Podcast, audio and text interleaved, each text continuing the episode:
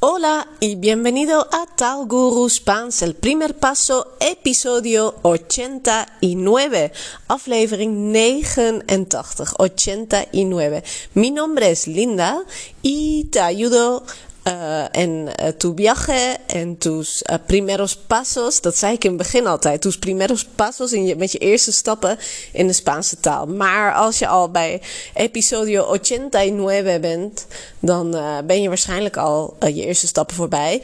Of luister je gewoon de laatste aflevering als eerst en ben je wel een begin in het Spaans. Luister dan ook, want in deze podcast ga ik een werkwoordsvorm behandelen die als je gevorderd bent, interessant is om nog eens extra, om nog een keer te horen van hoe zit dat ook alweer daarmee. En als je net begint, is het goed ook om over deze werkwoorden te weten.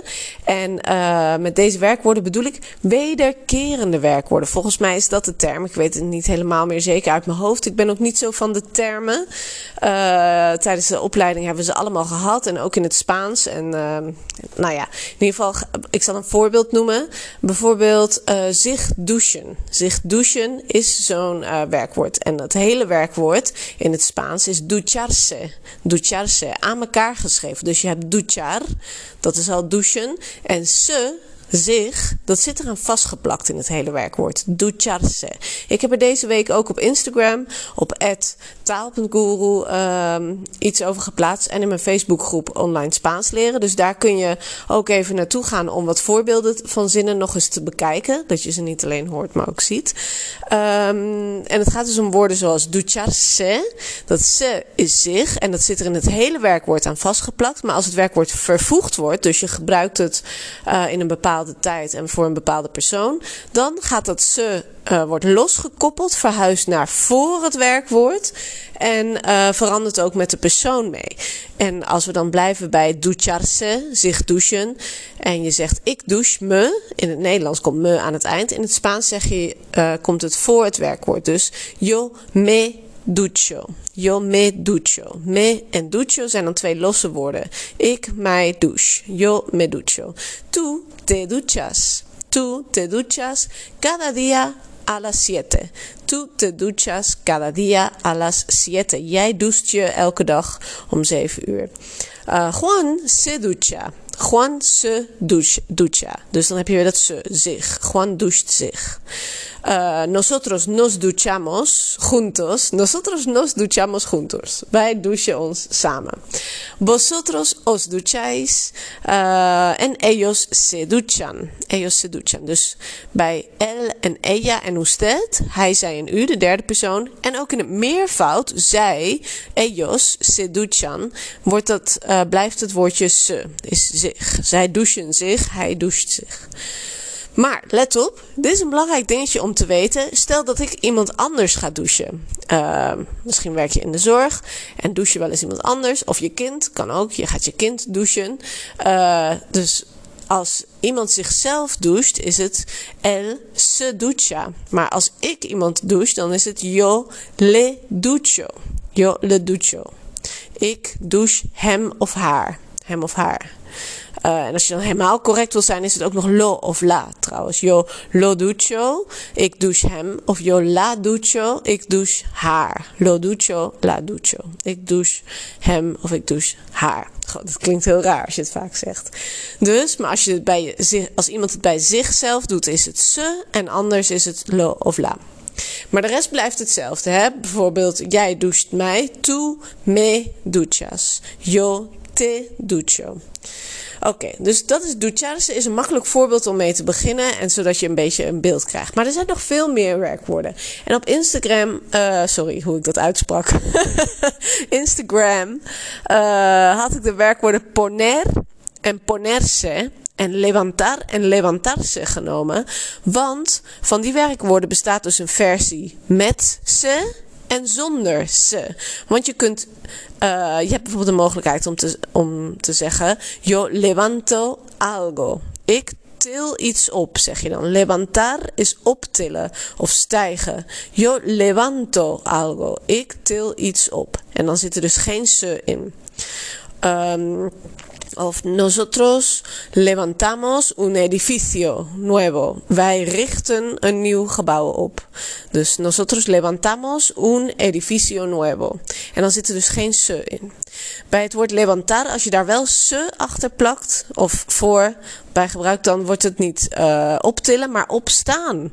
Ochtends, als je, of als je wakker bent geworden en je staat op, dan zeg je me levanto. Me levanto a las siete. Ik sta op om zeven uur. A qué hora te levantas? A qué hora te levantas? Hoe laat sta jij op? En, uh, of yo me levanto de la silla. Is ik sta op uit de stoel. Me levanto. Want letterlijk zeg je ik hef mij op. Ik hef mij op. Of ik til mezelf op. Me levanto. Dus dat is het verschil tussen levantar zonder se. Dat is optillen. En levantarse is uh, opstaan. En dan poner. Poner is helemaal een mooi voorbeeld. Poner zonder se is uh, ergens iets neerleggen. Uh, in de meeste gevallen. Yo pongo el libro sobre la mesa. Ik leg het boek op de tafel. Dus poner is ook nog een beetje onregelmatig. Want als je het gewoon volgens de regels vervoegt, zou je zeggen pono. Yo pono, tu pones.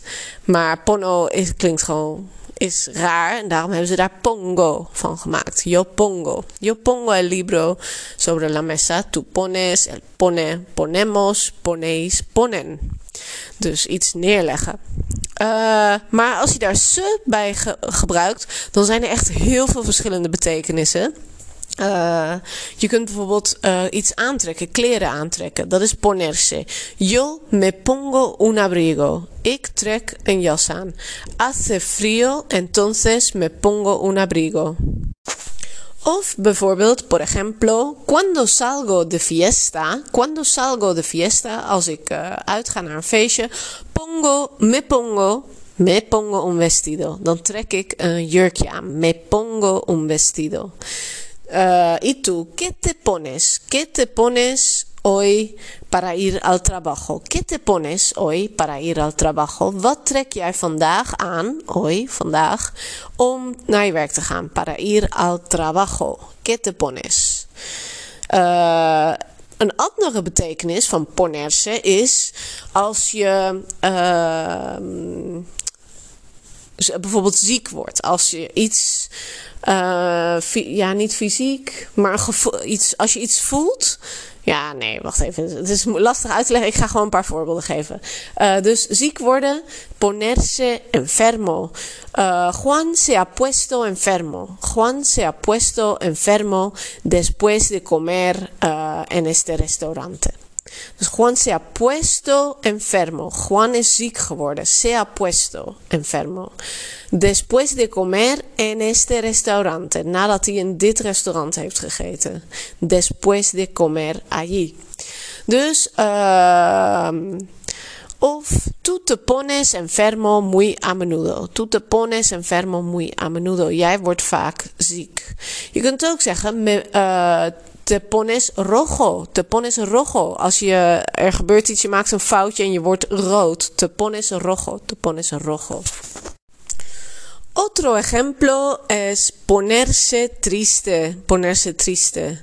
Uh, esta noticia me ha puesto triste. Esta noticia me ha puesto triste. De, dit bericht, dit nieuws, uh, la noticia me ha puesto triste. Ik ben er verdrietig van geworden eigenlijk. Dus in het Nederlands zou je zeggen verdrietig worden.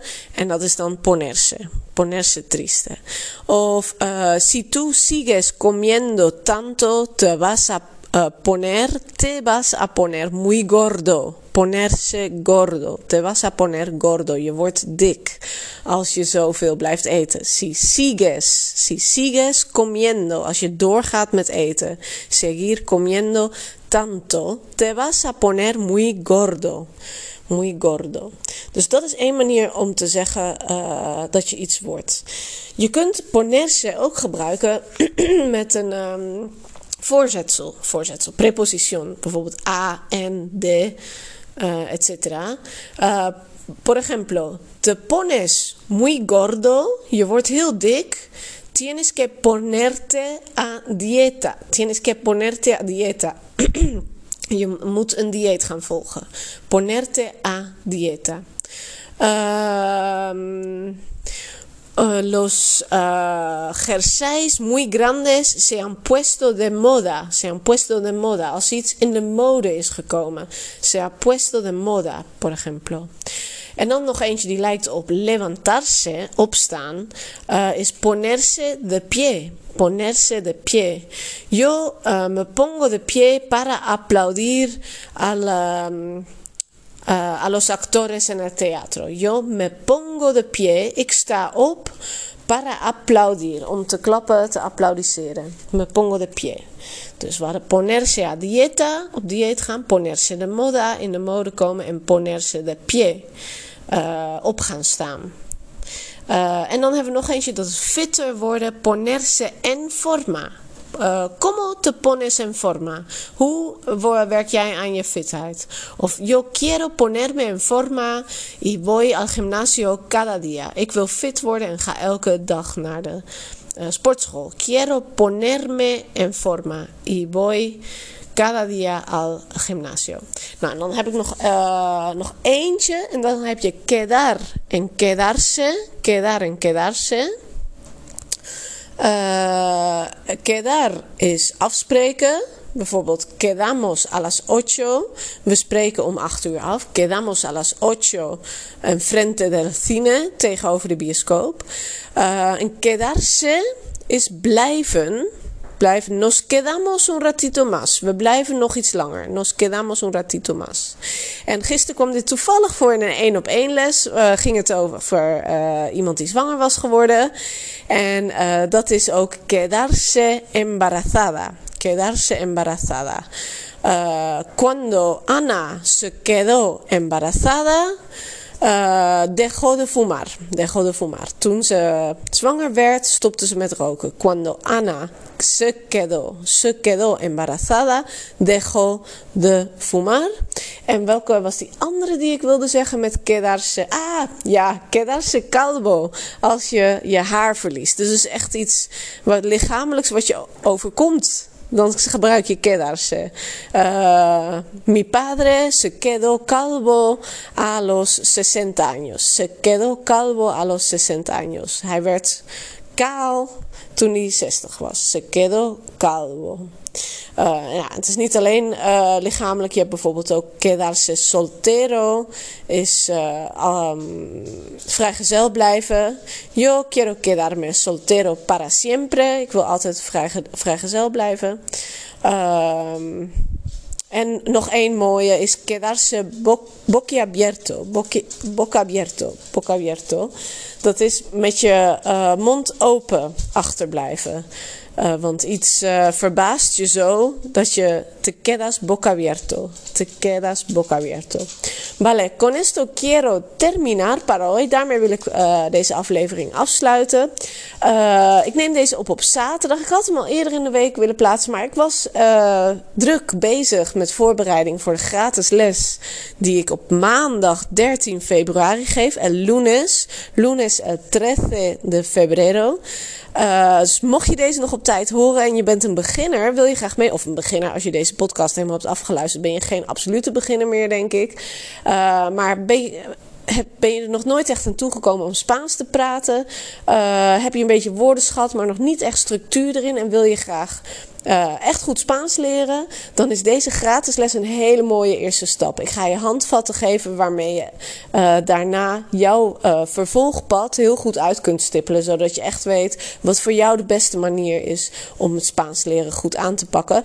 En omdat het live is, kun je zelfs misschien al wat Spaans laten horen, want het grootste thema van mij altijd is zorg dat je gaat praten, want zo leer je de taal het best.